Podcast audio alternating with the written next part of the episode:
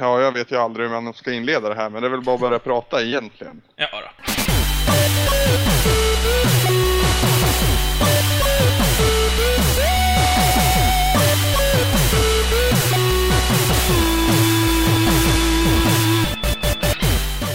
Eh, välkomna till Skitsnack, februari månad och eh, lite av ett Oscars-tema, skulle jag vilja säga. Lite av. Det är väl ett Oscars-tema. Det är verkligen ett Oscars-tema om jag tänker efter. Jag är i Oscar-zone nu så att säga. Eller Oscars-zone måste det bli. Det låter ju konstigt det. Academy Awards, som de egentligen heter, kan man också säga. Precis. Varför heter det Oscar i Sverige? Eh, Det, ska, eh, det heter, kallas för Oscar i USA också. Det, det är alltså att statyn liknade någons man, så- och mannen hette Oscar.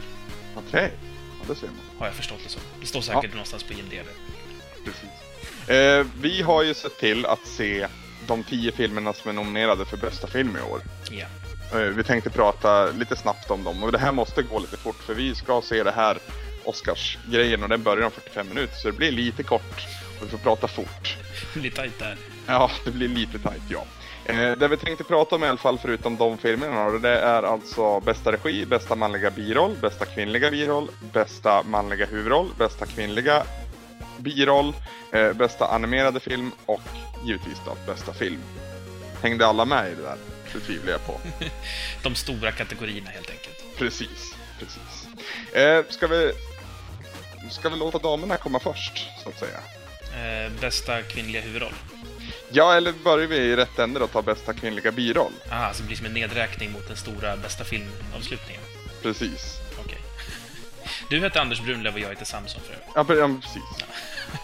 Det, det var bra att du informerar oss. Ja, okej. Eh, De nominerade är Amy Adams från The Fighter eh, som Charlene Fleming.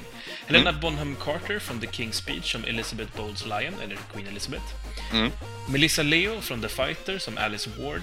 Hailey Steinfeld från True Grit som Matty Ross och Jackie Weaver i Animal Kingdom som Janine Smurf Cody. Mm. Jag har inte sett Animal Kingdom, ska jag ju säga på en gång. Inte jag heller. Nej, så henne lämnar vi utanför mixen för nu då.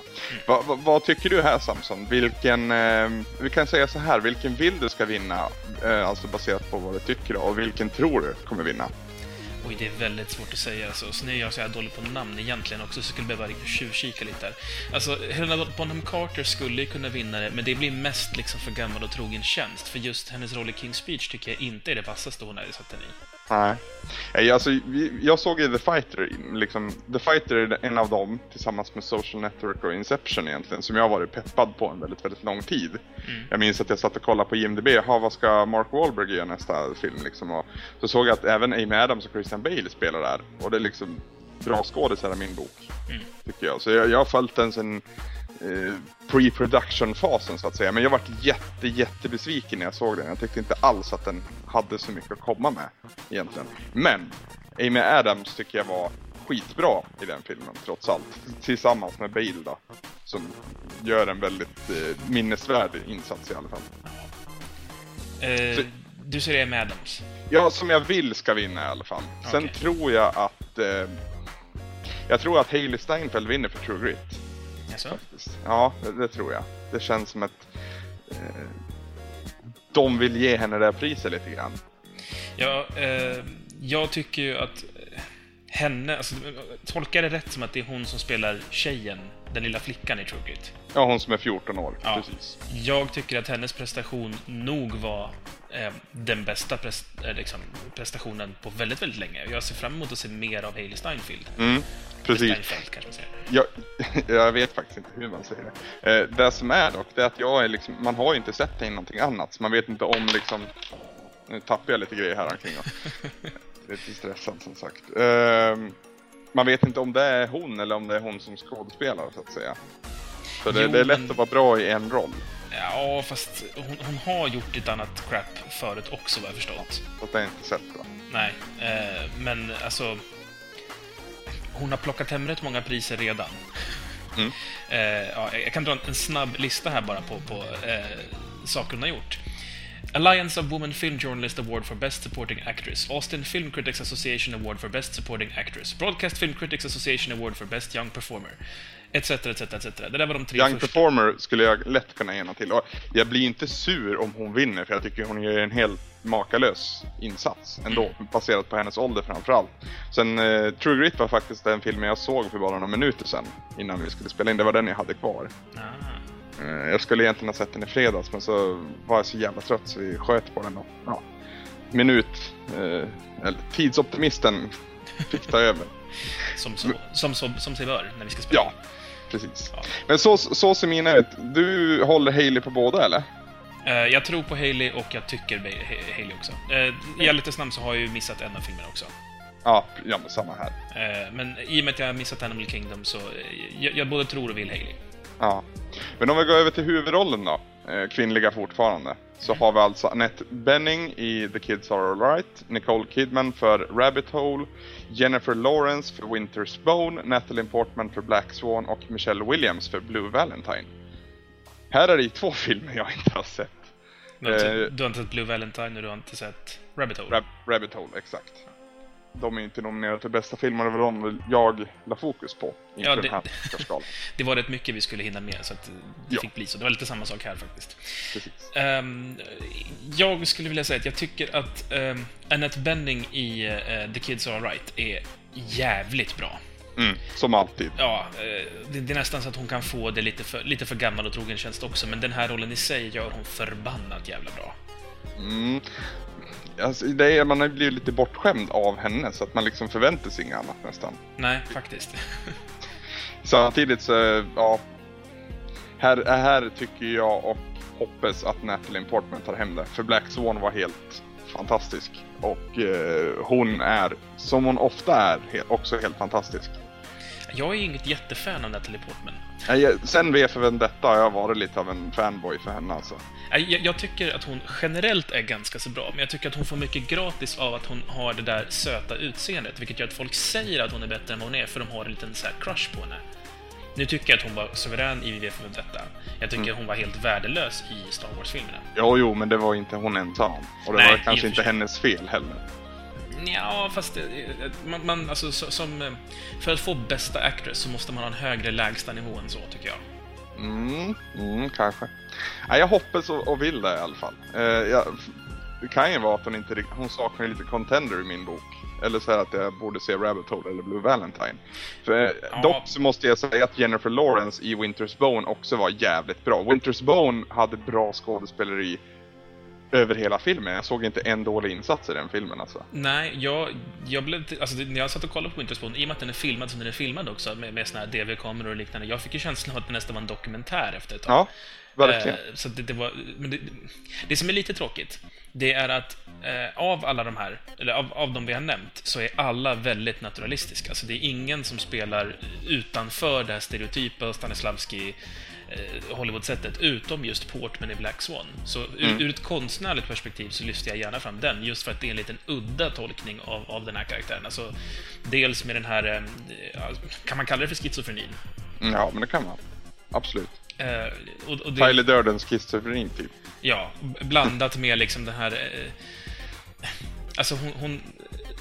Förtryckta. Ja, hon spelar över genom att spela under på något vis. Och det, det är snyggt. Det, det, det känns... Alltså jag får nästan lite brechtianskt eh, sådär när jag ser det. Oj, nu, nu drar han sig med töntiga ord här. Ja, några sådana som jag inte förstår så att, det inte kan, så att jag inte kan säga emot. Läs på om Bertolt Brecht. Han var eh, en regissör, författare och, och skådespelare som gjorde fantastiska saker. Okej, okej. Eh, hur som helst i alla fall. Eh, jag gillar eh, egentligen inte Natalie Portman, men jag tror att jag tycker att hon ska vinna. Okej. Vilken tror du ska vinna? Eller vilken tror du kommer vinna? Ehm, ja, det kan nog bli den, just för att hon är... Alltså, Portman är fortfarande ganska ung, men har, gjort, har liksom ändå, gjort ganska så bra filmer ganska länge.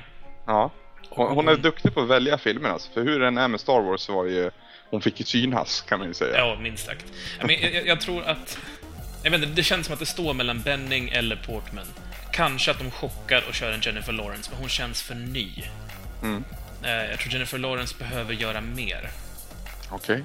Eh, För det, det är ju inte bara att vara bäst, det är också lite taktik inblandat i vad de har för karriär bakom sig. Det är därför jag också tror att Annette Bening kanske tar hem det för gammal och trogen tjänst. Har hon någon, någon staty sen innan, vet du det? Vet faktiskt inte.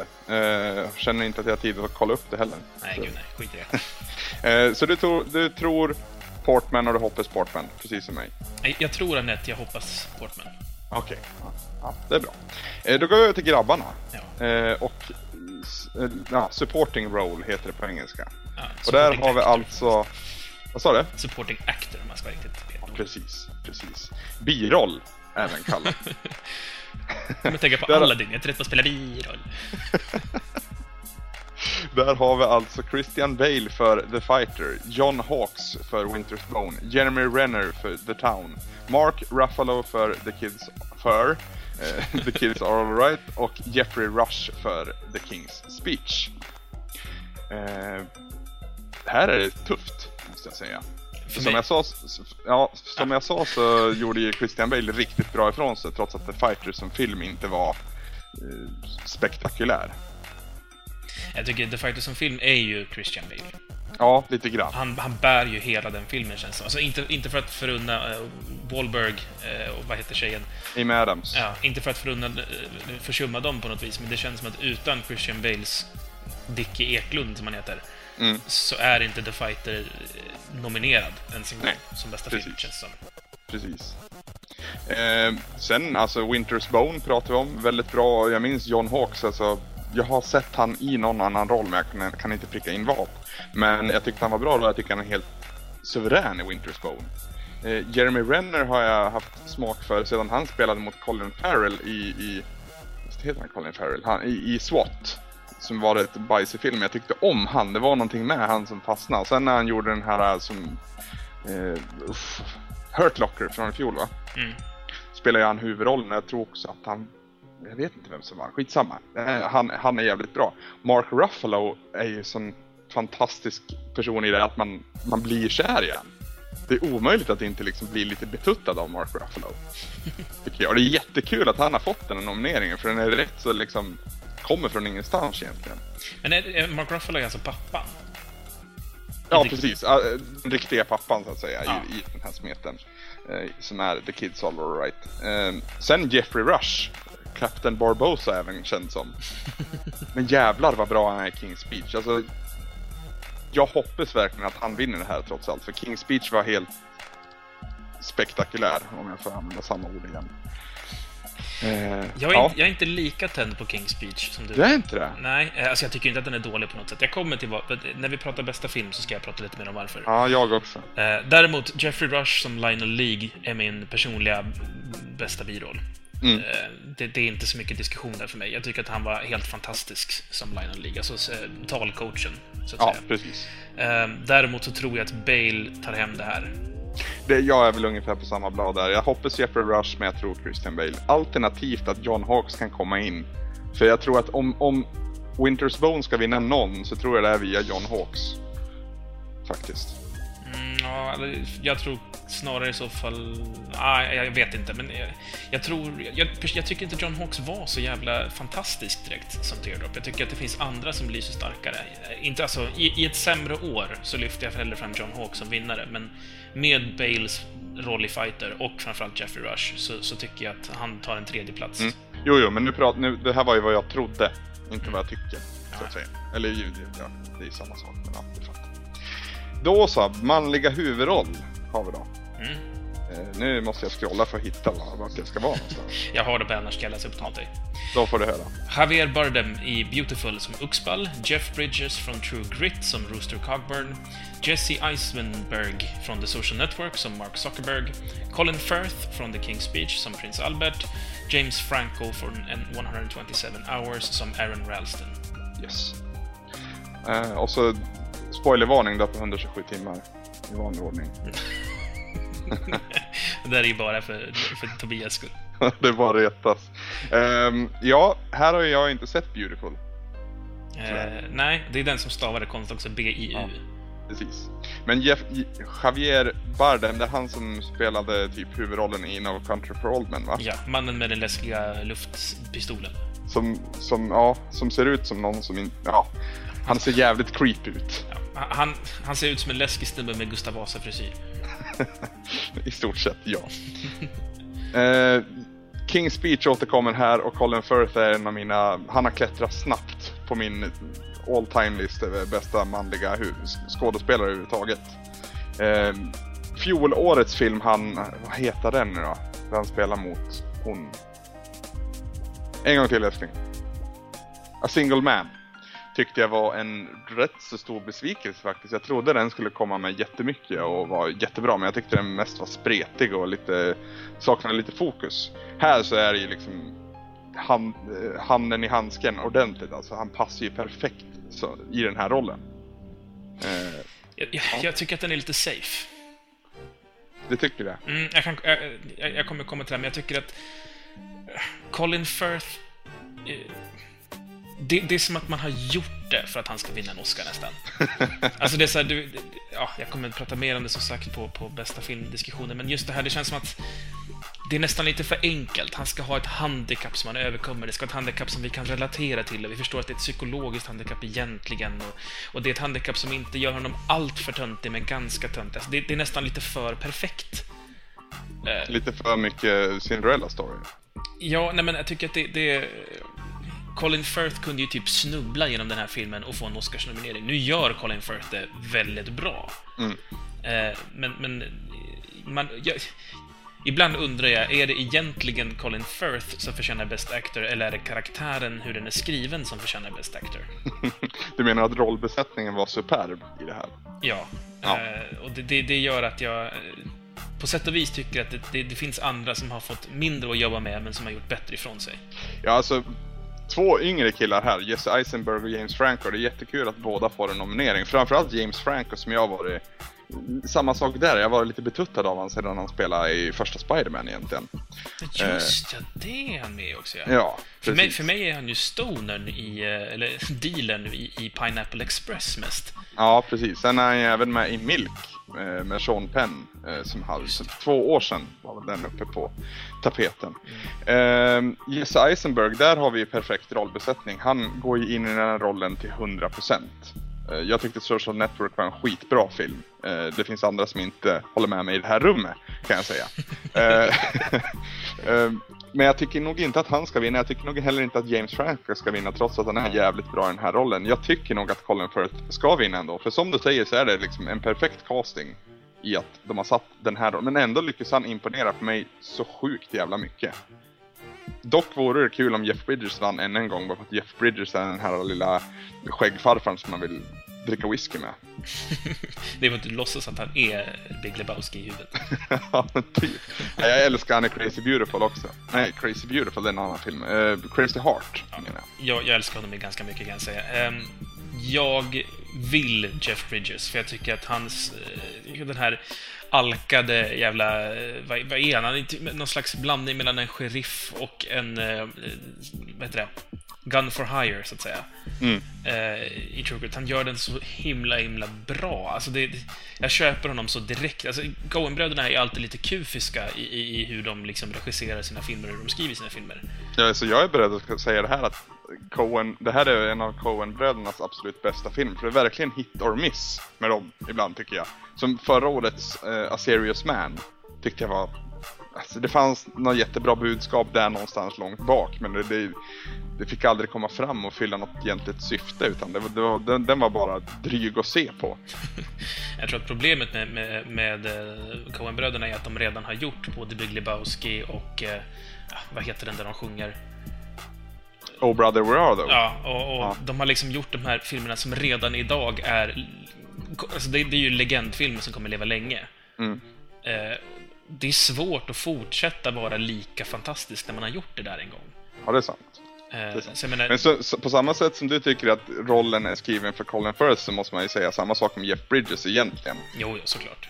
Han, han behövde inte göra så mycket för att klä sig i den rollen.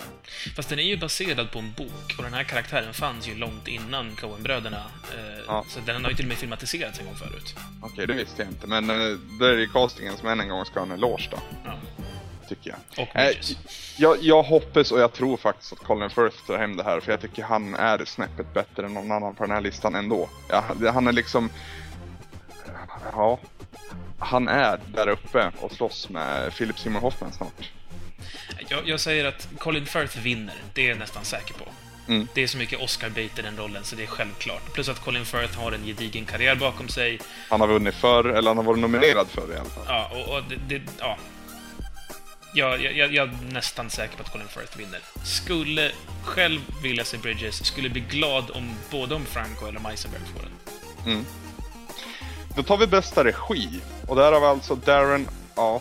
Aronofsky för Black Swan, eh, bröderna Coen då för True Grit, David Fincher, Social Network, Tom Hooper för King's Speech och David O. Russell för The Fighter. Eh, vad tycker du här? För mig är det självklart Det är Black Swan, eller? Fincher. Asså? Ja. En hel film om folk som sitter och tittar på skärmar och pratar jättefort och ändå sitter jag och tokbryr mig. Det är bra regi. ja, det är det. Det är, det. Alltså det, är, det är lite av ett dream team bakom Social Network ska sägas. Alltså det, det var ju, på förhand var det nästan så att man krämade i byxorna. Ja, de är Sorkin som eh, Ja. manuset och det här. Exakt. Ja, alltså, jag tycker ändå att alltså, Social Network... Alltså Black Swan, eh, som film sett, så tycker jag att den kanske har mer konstnärliga bedrifter att komma med. Mm. Eh, men jag tycker Social Network är så otroligt välregisserad. Alltså varenda liten scen, alltså, nu vet, alltså, vi vet ju att Fincher är en, en tokperfektionist sedan långt tillbaka. Vi har ju alla, eller kanske inte alla som är lika nördiga som du gör, men man har ju kollat på de här dokumentärerna hur han jobbat ända från liksom, ja, Alien 3 och framåt. Hur han arbetar, hans, hans sinne för detaljer och så vidare. Och jag tycker att i Social Network så har han liksom fått skala bort allt det här som man inte bryr sig om. Så alla de här coola specialeffekterna är borta, de behövs inte. Alla coola eh, här, actionsekvenser är borta, de behövs inte. Nu är det bara några personer i ett rum som ska prata med varandra och det är det Fincher gör absolut bäst. Mm. Och hela filmen är liksom, alltså, beskriv filmen. Ja, det handlar om Det är dialogporr. Ja, det är dialogporr som handlar, alltså handlar om så ointressant som Facebook. Ärligt talat. Ja, fast det är jätteintressant samtidigt. För det handlar ju, handlar ju om relationer, skulle jag se det som. Jag, jag tycker att det är intressant. Dels för, för mig som liksom hängde på nätet under 90-talet och minns liksom Napster och hela den vågen och liksom har då sett den här andra vågen som kommit då med eh, Facebook och Twitter och Google och liksom sett de här företagen komma eh, Mm. från scratch. Eh, så det finns ju lite 90-talsporr i det hela också. och tidigt 2000-talsporr. Men eh, det är ju framförallt alltså... eh, Ja, återigen. Det sitter snubbar och stirrar på skärmar i två timmar och jag bryr mig. Det, det är jävligt bra jobbat. Jag tycker den här dialogporren, det får nästan mig att tänka på Tarantino faktiskt. För det är någonting han är extremt duktig på. Om vi kollar framförallt på fjolårets film där, med Brad Pitt och company. Ja, eh, Fan heter den? Bastards. Ja, Inglourious Basterds, exakt. Det var ju liksom... Istället för att ha en, en svärdsduell i 15 minuter så sitter två personer och pratar med varandra. Man liksom sitter ju mer äggad då än vad man gör liksom... Det är liksom, det är Star Wars-klass på de duellerna. Men det har ju alltid varit Tarantinos signum att han har fantastisk eh, bra dialog. Ja, och det, det kom till sin fulla rätt eh, i Inglourious Basterds, för det var i fjol. Eh, fin- jag håller med dig i allt du sa om Fincher. Där, dock så skulle jag säga att eh, både bröderna Coen och eh, Darren Aronofsky, Aronofsky. Aronofsky, ja, det här med namn, eh, gör lite bättre jobb ändå, tycker jag. Jag tycker bröderna Coen, den, det är liksom så jävla bra film tyckte jag bara True Grit var. Den- Ja, och det var så skönt för att det, var, det fanns en ande över filmen som luktade Coen så att säga, men det vart inte så här jobbigt Coen-film som det brukar kunna bli i bland annat då Serious Man.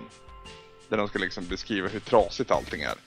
Apropå trasigt så är ju Winter's Bone en, ja, vi kommer till den. Um, Black Swan är mindblowing i, i det skit. jag. Jag tycker så jag vet inte om jag håller med dig. Jag tycker Black Swan är... är det, berätteriet är fantastiskt. Klippningen är fantastisk. Eh, specialeffekterna är hur läckra som helst. Och, och, alltså det känns som att din post-production på Black Swan är över allt annat. Och det är fantastisk musik i den också. mm. Eh, Men jag vet inte om regis- regin i sig är liksom sådär jätte, jätte... Är, är den verkligen värd att lyfta upp som något specifikt i den filmen? Var det verkligen regin du tyckte var det som gjorde filmen så bra? Jag tycker det är en bidragande faktor helt klart. Sen om det är det absolut bästa i filmen, det ska jag låta vara osagt. Men absolut. Nu säger inte att man, måste, man, nu säger inte att man bara får vinna det, det man gör absolut bäst, men det, det, det känns som att både True Grit, Social Network, King's Speech och The Fighter var regisserade bättre. än Black Swan. Ja. Nej, Jag, jag hoppas, jag säger så här, jag hoppas på True Grit, men jag tror Black Swan vinner faktiskt. Jag, återigen då så tror jag på King's Speech. Det gör det? Ja, ja, det är kostymdrama i, som ut, utspelar sig i Storbritannien och du har till och med liksom andra världskriget, fienden, i, liksom, i, det är klart att den vinner. Okej. Men som sagt, jag, jag vill att Fincher ska vinna. Ja. Då tar vi bästa animerade film och det här kommer att gå kort. För här är det tre filmer egentligen. Ja, det är How to Train Your Dragon av Chris Sanders och Don De, eller Dean DeBlois, The Illusionist, eh, ja, det här är alltså producenten Sylvian Comet och Toy Story 3 med Lee Unkrich. Ja. Och vinner inte Toy Story 3 då, då... Ja, då är det någonting fel i den här världen. Har du sett The Illusionist? Eh, nej, det har jag inte. Det borde du göra, för den är riktigt, riktigt fin. Okej, jag tyckte How to Train a Dragon var jättebra också. Ja, eh, How to Train Your Dragon var den första filmen i, i 3D som jag tyckte var värd att se i 3D. Okej. ja. Och, eller okej, Avatar, men... Det känns lite väl obvious va? ja, eh, men, men eh, How to Train Your Dragon var också... Det, det var en bra film, alltså. Den, den, den hade bra karaktärer, den hade... Den hade mycket bra att jobba med. Och jag tyckte den gjorde mycket av det också. Och så tycker jag det var kul att se att det finns företag som faktiskt kan peta lite på Pixar. Mm, så precis. De, de måste, alltså, det- Förut fanns det ju flera olika, så vi hade ju Blue Sky och vi hade Pixar förstås och så hade vi Disneys egen, sen hade de här, vet de som gjorde den här Egypten-filmen en gång i tiden. Ja, precis. Eh, Dreamworks för fan. Ja, Eh, Vi hade massor med olika team som gjorde bra grejer och sen så efter ett tag så bara, nej, det är bara Pixar som gäller. Och så var det Pixar som fick göra liksom alltihopa med Upp och med eh, Wall-E och alla de här som kom. Mm. Och fantastiska filmer då. Det, ja, eh, Båda de du nämnde. ja, definitivt. Wall-E är en av de bästa filmerna jag sett, tror jag. Punkt. Jag tror jag, jag tror jag håller upp högre faktiskt. Ja, vi har pratat om det här förut, här för mig. Ja, jag tycker jag känner igen det. ja, det, är, ja, det, det är som att... Det är, det är femmer i båda fall tycker jag. Alltså, det, det är fullpoängare. Så det är personlig smak som faller in bara. Ja. Eh, Men av, av de här tre så får jag väl ändå hålla med om att Toy Story 3 nog kommer vinna. Men jag tycker att The Illusionist är farligt nära just för att den är så annorlunda. Så How to Train Dragon och Toy Story 3 går ju ändå på något vis i samma melodi åtminstone. Mm, jag sitter och tittar på bilder från Illusionist nu och läser lite om den och det ser riktigt jävla snygg ut framförallt. Jo, alltså den är fantastiskt vacker. Den är ju målad med alltså gamla skolans animation. Ja, det ser Eh. nästan ut som, som... Vad heter det spelet? Uh, Machinarium nästan på stilen. Eh, Ja, lite Broken Sword tänker jag mer i så Ja, fall, om det ska kanske, på tv-spel. Ja, kanske. Eh, Men jag, jag tyckte Illusions var en otroligt eh, finstämd film. Eh, Den handlar ju alltså om en, en eh, illusionist, alltså en magiker, trollkarl, Mm. som... Ja, han, åker runt och turnerar då med sin lilla show och sen så...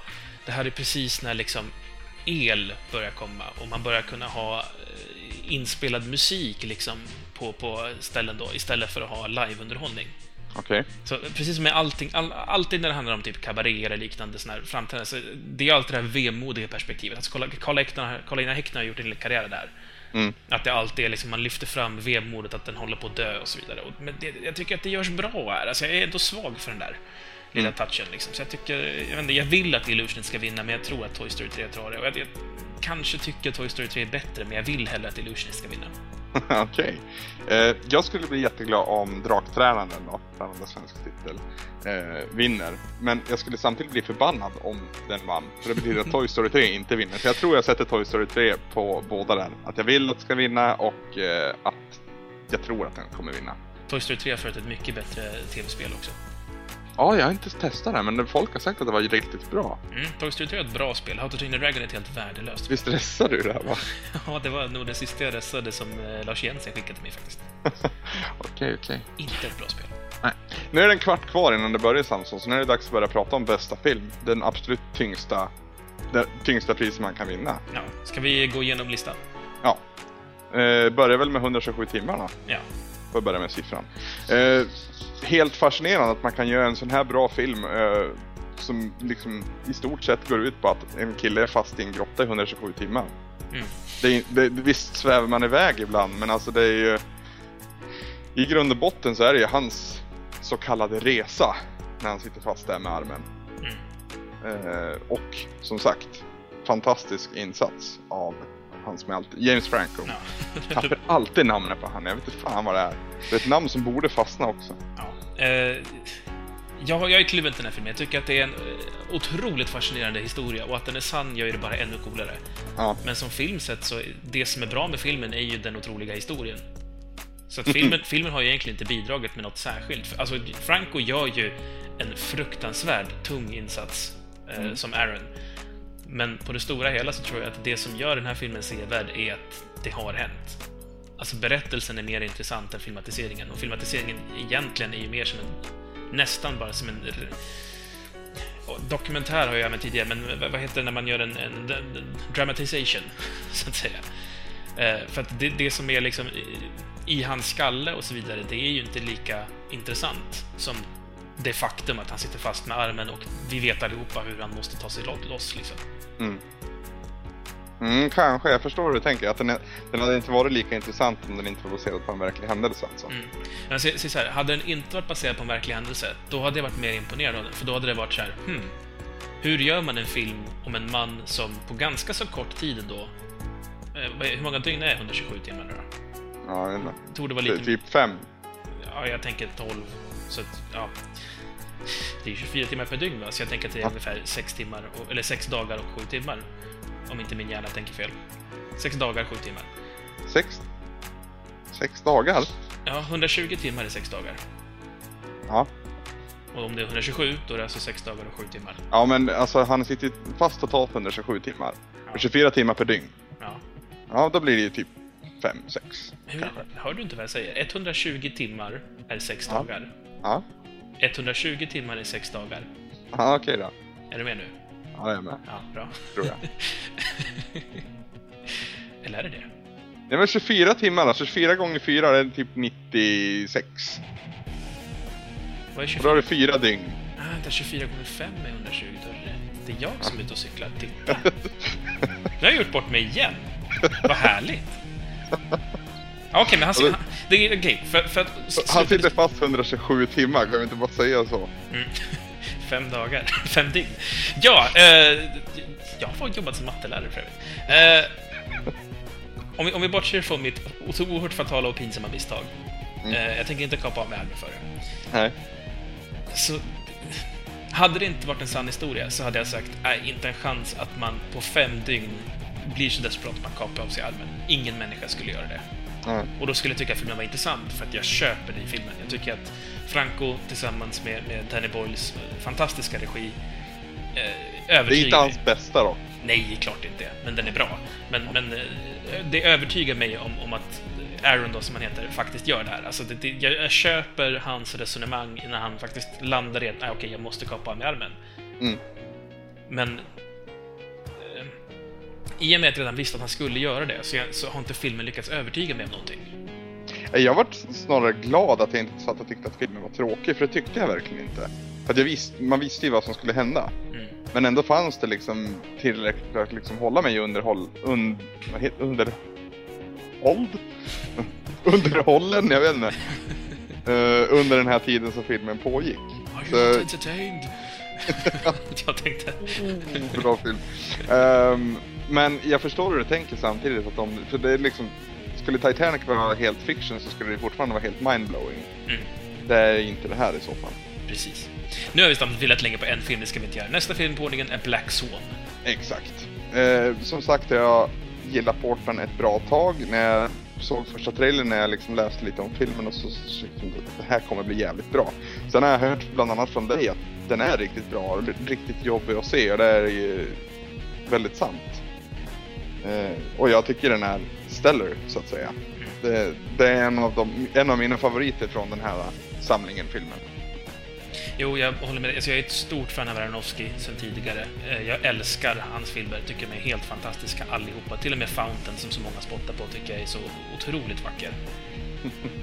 Ehm, jag vet inte om jag tycker Black Swan kan... Det, det är nog inte hans absolut bästa, men den är fantastisk på många, många sätt. Och jag tycker, som sagt, att Portman är bra ifrån sig. Jag tycker även han, den här fransosen, som är eh, dansläraren, Mm. eh, och mamman, vilket får glömma. Och, och vad heter hon? Mila Kunis, också skitbra. Mila Kunis kommer in och liksom visar att jag är for, for real, så att säga. Ja, fast det visste vi redan från Family Guy, vet du.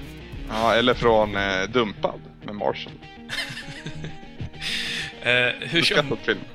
Det är det säkert ingenting jag tänker på. Um, jag, jag, jag, gillar väldigt mycket Black Swan. Uh, jag tycker att den är uh, fantastiskt mörk och vacker. Jag älskar hur den samspelar mellan uh, ballerinans historia och, så att säga, Svansjöns, alltså den klassiska berättelsen. Mm, I liksom hur den fungerar hela vägen. Så att jag... Jag gillade att jag liksom jag, jag vet inte om jag är korkad nu när jag säger det här, men alltså jag gillade att jag inte riktigt kunde luta mig tillbaka och liksom tänka att ah, nu förstår jag hur det här är upplagt. Mm. Riktigt, förrän liksom eftertexten egentligen rullar. Ja, det, och där sitter man också lite så här, ja fast vänta, ja just det, eller vänta. Ja. ja. och det, liksom, det, det tog en film till, för vi kollade på The Fighter back to back. Mm. Så det var liksom efter The Fighter jag kände att fan vad bra Black Swan var. Egentligen. men det, det, tar liksom, det tar, för en riktigt bra liksom ja, påfrestande film så tar det ett tag innan liksom poletten riktigt har ramlat ner. Mm. Det, det, tycker jag att den föll på exakt rätt plats för mig. Ja, ska vi gå vidare? Ja, på tal om fighter så har vi den som nästa ja. på listan. Eh, som sagt så vart jag väldigt besviken här och jag tycker att en, som, som du sa också, enda anledningen till att den finns här är ju för att Bale har gått ner i vikt och gör en riktigt bra roll som... Ja men alltså han gör ju en roll som inte är karaktäristiskt han. Han har ju liksom livnärt sig på egentligen American Psycho och Batman. Mm. Och det är i stort sett samma roll med vissa utsvävningar åt ena hållet och så. Men alltså, det här är ju inte Bale som vi känner till den. Och det, det, var väldigt skönt för det var typ det jag hoppades på att vi skulle se från Bale snart. Eh, dock så är jag fortfarande mer imponerad av Amy Adams som sagt. För jag tycker att det sättet Bale spelar den här rollen på kan många göra. Det är inte så att shit, det här hade ingen annan kunnat gjort. Alltså det jag imponeras av Bale här, det är att det här är första gången Bale är mänsklig. Alltså han är så... Han är alltid så, så, så kort sagt omänsklig alla sina roller. Alltså han spelar ju alltid såna extremt udda karaktärer. Mm. Du har honom som Batman, du har honom som American Psycho, du har honom som eh, eh, ja, Jum Jum om du ska vara sån, men du, har, du har honom som, eh, vad fan heter den filmen då? The, The Machinist, eller The Machinist, där han spelar ja. också väldigt smal i och för sig. Men... Vad heter den? The, som han spelar mot uh, Wolverine? Den tycker jag om. Eh, ja, den ja. Den, den, um, the, the Prestige. Ja, precis. Eh, men i alla de här så spelar han ju någon typ av... Alltså det, det är aldrig en vanlig människa. Det är alltid någon extrem människa i varje mm, fall. Mm. Här är, okej okay, visst, han är i och för sig väldigt smal och han är en pundare i den här. Men han är, alltså hans relationer känns inte som... Alla hans andra karaktärer är någon slags sociopater. Och det här är första gången han inte riktigt känns som en sociopat. Alltså hans känslor inför sin bror och, och alla de andra känns på riktigt.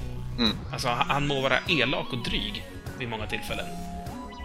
Men, men han är genuin i att han faktiskt har en kärlek till de här. De, de, det känns som att han spelar en karaktär som låtsas ha kärlek i många massa andra roller. Men här var det på riktigt. Mm. Kanske. Mm. Jag vet inte, jag är, jag är, inte riktigt lika såld som resten av världen verkar vara på, på denna Bale. Kanske för att mina förväntningar var så sjukt högt satta. Mm. För att jag har alltid trott att Bale är liksom top tier bland manliga skådisar. Eh, och sakta men säkert har den bilden bleknat under åren i och med att han har gjort samma, samma, samma. Och nu när han kom in och gjorde något helt annorlunda, alltså, det blir liksom som att ja, jag, jag borde ha flämtat, men jag gjorde aldrig det. Mm, okay.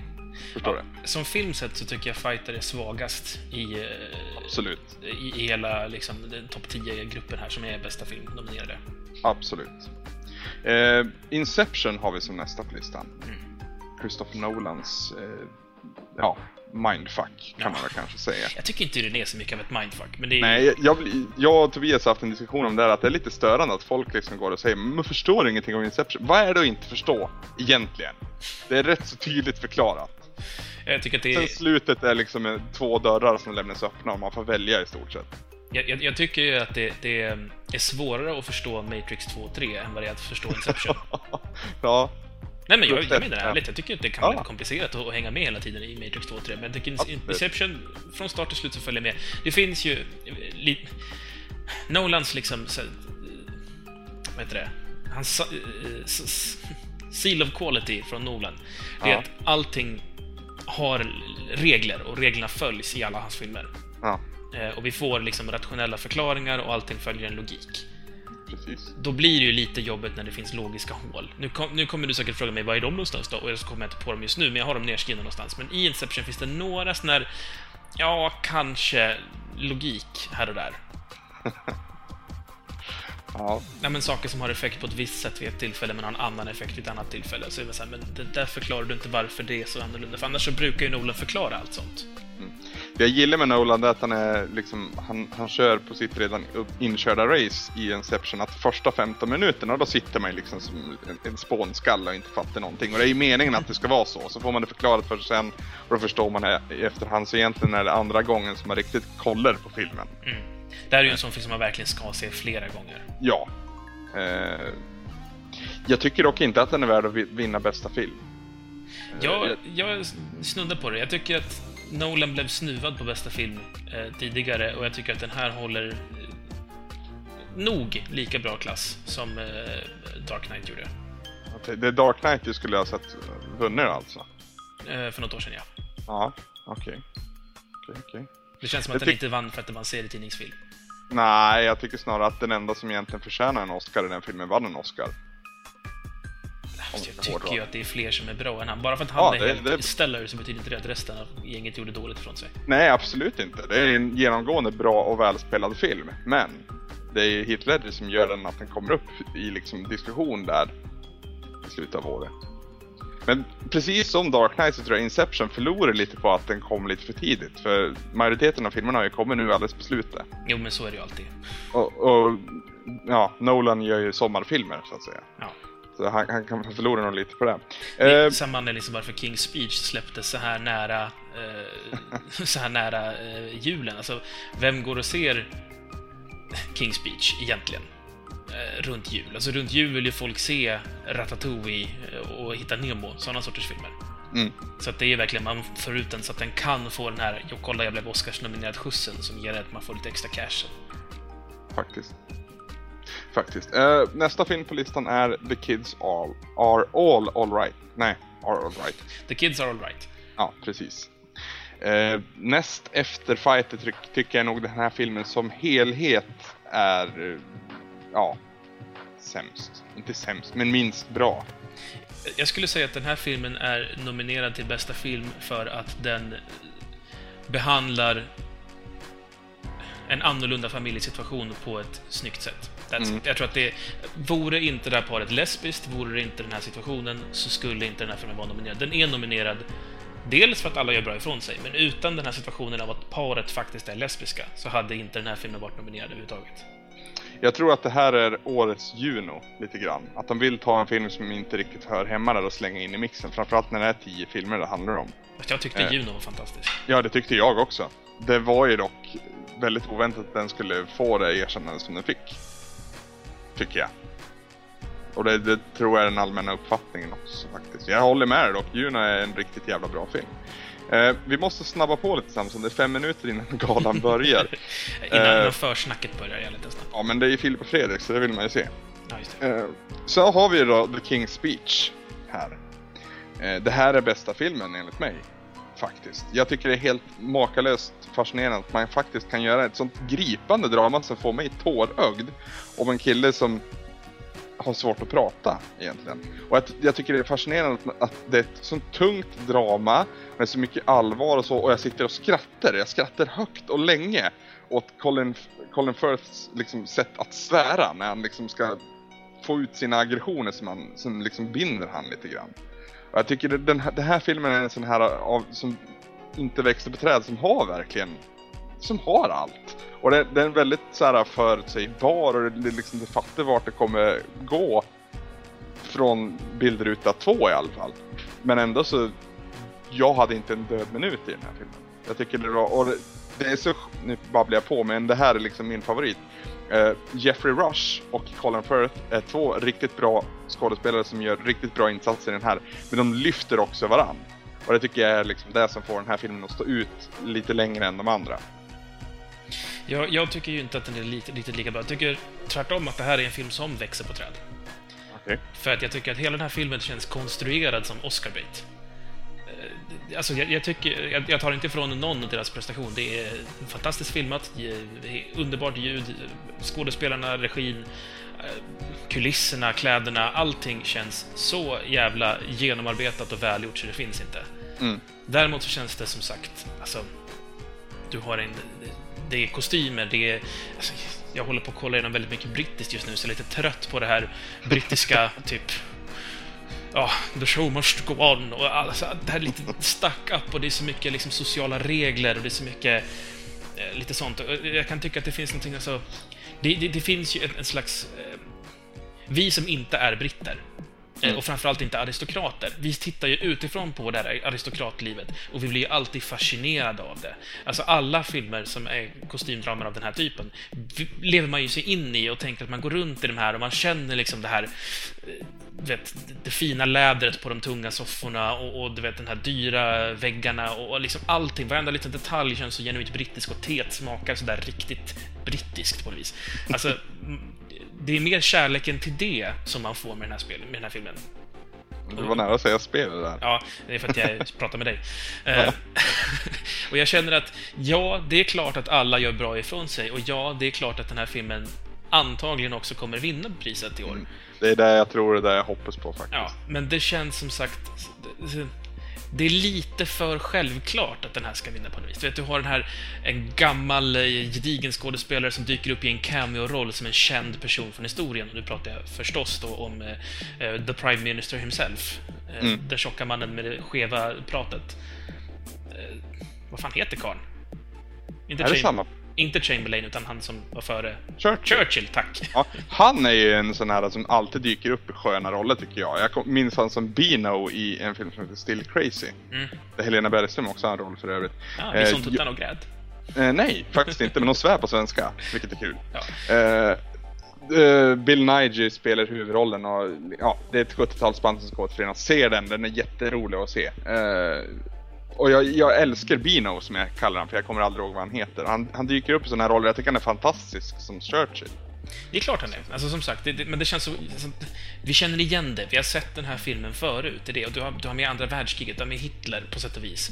Du har med... Eh, ja, som sagt, det här att han har en sorts problem som ändå kan... Alltså, har du sett den här filmen när, när, det är en massa skådespelare som, som eh, ska spela in en film och, och så den kom för något år sedan. Jag tror till och med att den fick också någon Oscarsnominering. En komedi med, med mm, vad heter han, Downey Jr och med... De är ja, fake-soldater. Jack Black och Ben Stiller. Ja. Vad fan heter den? Ja, de är ute i tropiska djungeln i alla fall. Precis, den filmen. Du vet hur de säger till Ben Stillers karaktär att du gick för mycket retarded?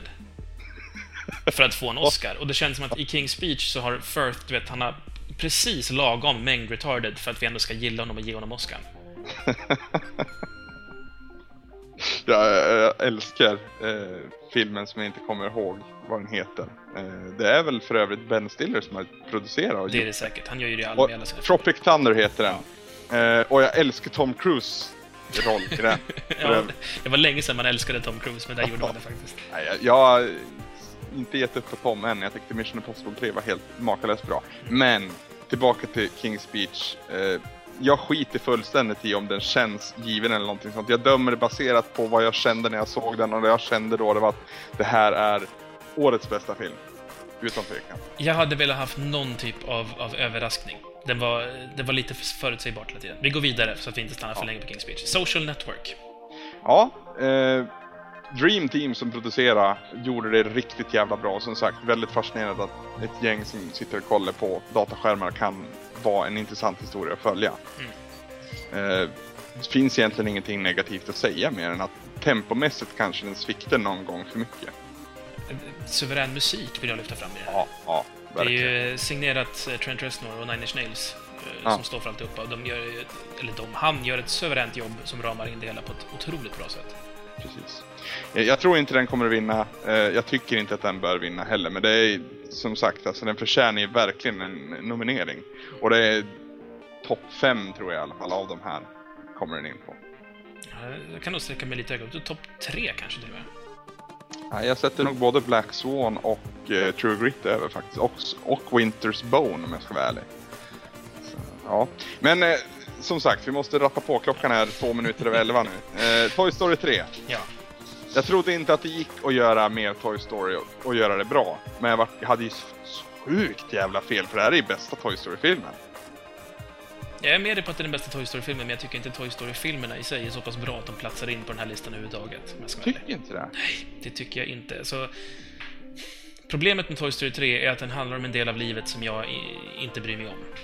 Okej. Och därför blir det inte särskilt intressant för mig. Eh, Ah, jag tror att hade jag antingen varit yngre eller äldre just nu när jag sett den så hade jag säkert tyckt annorlunda. Ja. Eh, jag tror att jag kan ha... Nu låter det som att jag är bättre än dig, men jag tror att jag kan förstå mer. Alltså jag befinner mig heller inte i den åldern. Men jag kan förstå lite hur det känns att vara i den sitsen som, ja, som vi pratar om. Eh, och så sen tycker jag att det är fantastiskt hur, hur liksom man kan göra en film som verkligen passar alla. Det, det, det är Pixar upp i dagen och det är jävligt utnött att prata om så. Men alltså det finns ju underliggande ehm, bud, budskap, det är också utnött. Men du förstår vad jag menar någonstans. Jag tycker dock att det här är Pixars svagaste sen The Incredibles.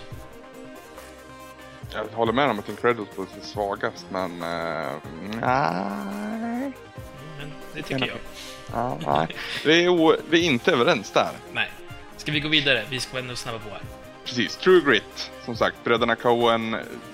Vad tyckte du om Matt Damon i den här rollen förresten? Han var helt suverän. Jag var så sjukt glad i Matt Damon i den här. För det har varit verkligen uppdelat här. Har inte han fått en nominering förresten? Eh, nej, det har han faktiskt inte. Det, det är nog för att det finns... Alltså, han är fantastisk i den här filmen, men om man ska lyfta fram den Best Supporting Actress så är det ju eh, Hailey Steinfeld från True Grit som gör den Ja. bästa Supporting Actress. Så jag, jag för, Precis. det, man kan inte ge både Supporting Actor och Supporting Actress i samma film. Det är lite fuskigt. Nej, däremot skulle jag nog säga att tjejen där har huvudrollen. Jag tycker inte Jeff Bridges har huvudrollen, även om han är castad så. Men alltså, filmen kretsar ju ändå... Ja, den kretsar i alla fall... Majoriteten av filmen kretsar kring den här lilla flickan. Jag skulle egentligen också kalla henne för en huvudroll, men det, är ju, det där är ju någon, någon grej misstänker Ja, precis. Och säkert liksom hur mycket det kostar att få den dit och så. Men ja, eh, som sagt. Riktigt jävla bra film helt enkelt. Och det är så befriande att se Coen faktiskt kan göra såna här filmer som inte behöver vara krångliga att ta till sig. Mm. Den här är jätteenkel att ta till sig och det, det, det gör den bara bättre egentligen. Men också, det är ju en film som egentligen inte handlar om det den handlar om. För alltså, det den handlar om är egentligen bara en anledning att sätta de här karaktärerna på de här platserna i de här situationerna. Mm. Och det lilla receptet räcker ganska långt, för det, det räcker väldigt långt. Det är en Oscarsnominering till och med. Mm. Eh, Jag, tror, jag tror på cinema, cinematography heter det va? Bästa foto översatte jag det till. Ja, cinematografi lite mer, men ja, jag förstår vad du menar. Ja, eh, då är den här jävligt högt upp också alltså. Jävlar vad snygg den är. Mm. Tokigt jävla snygg. Och jag, jag är lite kåt på västern sen Red Dead Redemption men alltså... ja, eh, det behövs såna här filmer. Kan man säga. Den är ju nominerad också på Best Cinematography, så det skulle inte förvåna mig. Nej, precis. Eh, det, tror jag. Incep- det tror jag dock Inception eller King's Speech vinner. Jag tror Inception vinner på effekter snarare. Ja, i och för sig, men den är otroligt vackert filmad också. Men Ja, nog, det- om, det. nog om det, vi har bara en film kvar. Apropå snyggt filmade saker så har vi Winterspawn, som nog är den fulast filmade filmen i år. Ja, fast ändå snyggt för att den är så filmat, filmat på ett sånt fult sätt. Jo, men alltså den är filmad ful med flit. De har inte Ja. misslyckats med nå- någonting, utan de, de har si- siktat på det här lite gritty. Eh, Jag är ruskigt glad att jag såg den här filmen på bio för övrigt. Jag, jag såg den inte på bio, jag såg den på datorskärmen. Ja. Eh, majoriteten har ju liksom gått hemma här, men alltså den här gick ju faktiskt här i Borås på bio och vi hade presentkort sen, sen tidigare, sen jul tror jag det var. Eh, så det fanns inget att fundera på, det var ju en film som jävla vad bra den var på bio. Riktigt jävla bra. Den liksom... Oh, lågt tempo och det är liksom ett trasigt jävla samhälle där liksom alla människor är vedervärdiga egentligen. Mm. Eh, Och det liksom... Finns, jag tycker inte det finns en skådis i den här som gör ett dåligt jobb. Nej, jag köper helt- varenda jävla roll här och det, det är Till och med väldigt, ungarna, vilket är extremt Till och med ungarna, precis. Och det är väldigt, väldigt sällsynt att det händer. Jag kan, kan inte komma på någon på rak arm. Det finns säkert någon om man börjar granska, men alltså... Ja, sett över hela produktionen så är ju liksom det här... Ja, nu gillar jag King's Speech mer, men jag tror jag håller Winter's Bone som andra plats här faktiskt. Jag är fantastiskt glad att jag såg den här filmen. Jag hade ju inte sett den om den inte hade blivit nominerad. För jag hade, jag hade i princip sett ett reportage om den på någon TV, så typ TV4-nyheterna eller sånt där. Precis. Eh, Och jag är väldigt glad över att jag faktiskt såg det, för det var en otroligt sevärd film. Eh, Det jag upptäckte när jag såg den, jag jag hade ju suttit och, jag har ju suttit och kollat på massa brittiskt som sagt och liksom tittat på sociala strukturer inom aristokratbritterna. Mm. Du vet alla deras spelregler och vad man får inte får göra och tjänstefolk och, och hertigar och lordar och så vidare. Och jag känner ju igen det här hierarkiska tänkandet som även syns otroligt tydligt i Wintersbone. Mm. Det är Men- verkligen äh, apberget nästan. Ja, och grejen är att jag känner igen samma mönster. Alltså bland de här low life eh, liksom white trash-människorna som bor i sina trailers eh, ute i skogen, typ, så finns det alltså samma sociala strukturer som finns i det aristokratiska viktorianska Storbritannien. Och jag tycker att det är spännande att man faktiskt ser att mönstret går igen. Alltså, men jag, tror att båda två håller liksom på sina regler och sina liksom sådana saker som så här, det här är vad som definierar oss. Problemet är att de här definitionerna, de är ju allmänna. Uppenbarligen finns de ju på, alltså aristokratreglerna är de samma. Visst, det kanske är annan dresscode som gäller och det kanske är andra, annat vokabulär som gäller. Men i grund och botten så är det samma strukturer. Mm. Och det gav mig en extra kick av filmen, att jag verkligen fick den känslan. Sen är det ju, berättelsen i sig är ju fantastisk med eh, Alltså jag jämför lite den här eh, flickans resa en aning med så som jag tyckte om eh, eh, vad heter den, eh, Lars von Trier-filmen med Björk i huvudrollen? Dancer in the Dark. Ja, precis. Eh, med den här eh, kvinnan i den här hemska situationen som inte kan göra det hon borde göra för att hon... Alltså det finns saker som håller henne från att göra det och man bara så här, men... Oh. Det är så, jobbigt. här, alla såna situationer där hon står och pratar med någon som är officiell, alltså en tjänsteman av något slag, så finns det alltid någon i bakgrunden och hon vet att de är där, så hon måste vårda sitt språk. Mm. För hon, hon, hon, hon vill ju samarbeta med polisen. Mm. För det enda hon vill är att få behålla gården. Mm. Eh, eh, Så hon vill ju hjälpa, men hon är tvungen att använda vokabuläret av någon som ljuger för polisen. Så att de där bakom inte ska liksom tycka att hon har sagt för mycket. Precis. Jag tycker det är så himla läckert. Sen, sen, också, filmen inleds ju med misär. Ja, verkligen. Och filmen slutar med att yes, vi klarade det, vi har räddat det, vi Får leva kvar i vi, precis, vi är kvar i den misären som vi började i. Och det är liksom, det är liksom så här, du börjar på noll, någon satte dit minus 10, du har lyckats tagit dig tillbaka till noll. Så att när filmen är slut så är man glad, men man är glad åt att det här skitet som man klagade på i början är här tillbaka äntligen. Alltså det, det är så, så jävla, det, det, det studie i att eh, hur man tappar något och får tillbaks det och då inser att det var värt någonting, typ. Ja, lite snyggt. Snyggt Samson. Ehm, eh, och sett över alla de här filmerna så är det nog den här som överraskade mig mest. Alltså, nu hade den en nominering och det brukar oftast betyda kvalitet av något slag. Inte alltid. Nej, men det brukar som sagt. Eh, den här var ju, kom ju från ingenstans för mig och slog ner som en bomb. Och jag skulle ju inte bli ledsen om den vinner. Jag hoppas dock, och jag tror att King's Speech vinner. Jag, jag hoppas att Winter's Bone vinner just för att jag tycker att den är så himla läcker. Mm, Samtidigt så tror jag att King's Speech vinner, av Mm. skäl som jag redan har förklarat. Eh, men det drar väldigt mycket i mig. Alltså Black Swan tycker jag är den vackraste filmen i år. ja. Tycker- ja, ja, verkligen. Ja, Inception tycker jag är den snyggaste filmen i år. Skilj på snygg och vacker här. Ja, det är enkelt också. Så här, Christopher Nolan och så Aronofsky liksom. Det Ja, men- Aronofsky. Eh, överlag så måste jag säga att det här är första gången på väldigt länge som jag tycker att det är otroligt jämnt Ja, i, i verkligen. film. Det är väldigt Det- mycket bra film i år. Det är genomgående och jag, jag funderar på det här tidigare idag om det är för att fler mainstream-filmer har blivit nominerade eller om det är mainstream-filmerna som har kommit upp till en ny nivå. Jag vet inte vart, vilken ände som, vilken, vilket streck som är närmast det andra riktigt. Ja, fast det är inte bara så man tänker heller. Alltså det är inte bara mainstream-filmer som ligger på den här listan. Nej, verkligen inte, men de är ju ändå de kan ju ändå uppskattas av en större publik än vad det varit tidigare tycker jag. Jo, fast om du tittar på de här så är det ju egentligen bara eh, Social Network och eh, Inception som är riktiga, och Toy Story då, som är riktiga såna här tjäna mycket pengar-filmer. Men Black Swan är ju en, en stor Hollywood-produktion, men det är ju ingenting som har dragit alltså, Avatar-siffror direkt. Nej, men jag skulle nog säga att Kids All Alright också går in i den genren. Alltså jag tror inte att den känner multum, men jag tror att den är... Bara baserat på titel egentligen så är det en film som är mer riktad åt alla. Det är lite av en... Ja, men en mer lättsmält film. Jo, för jag tror att det är många som inte har sett den. Mycket baserat på det faktum att det är en film som handlar om framförallt ett lesbiskt par, men det är inte en stor grej att det är ett lesbiskt par. Nej. Och det tror jag skrämmer bort Det var väldigt befriande i den filmen för övrigt, att Ja. man inte gjorde en grej av det. Det är, ju, det är ju det som, tror att, eller som gör att jag tror att den är nominerad överhuvudtaget. Att de inte gjorde en Ja. grej av det lesbiska paret, men ändå hade det lesbiska paret. Precis. Jag tycker Julianne Moore för övrigt förtjänar eh, att få vara med i en film. Hon har väl säkert varit med. Jag vet inte hur det gick för Boogie Nights, det är väl den enda egentligen jag tror. Men jag tycker hon är fantastisk i alla fall, även i den här filmen. Jag tycker att hon var jävligt bra faktiskt i som Clarice Sterling också. I, eh, Magnolia har hon också med va? Hon är med i många bra filmer, så jag, jag är ett stort fan av henne. Ja, jag, jag, jag glömmer, hon är en sån som jag glömmer bort men jag blir glad varenda gång hon dyker upp. Jag glömmer aldrig bort henne, kan jag säga.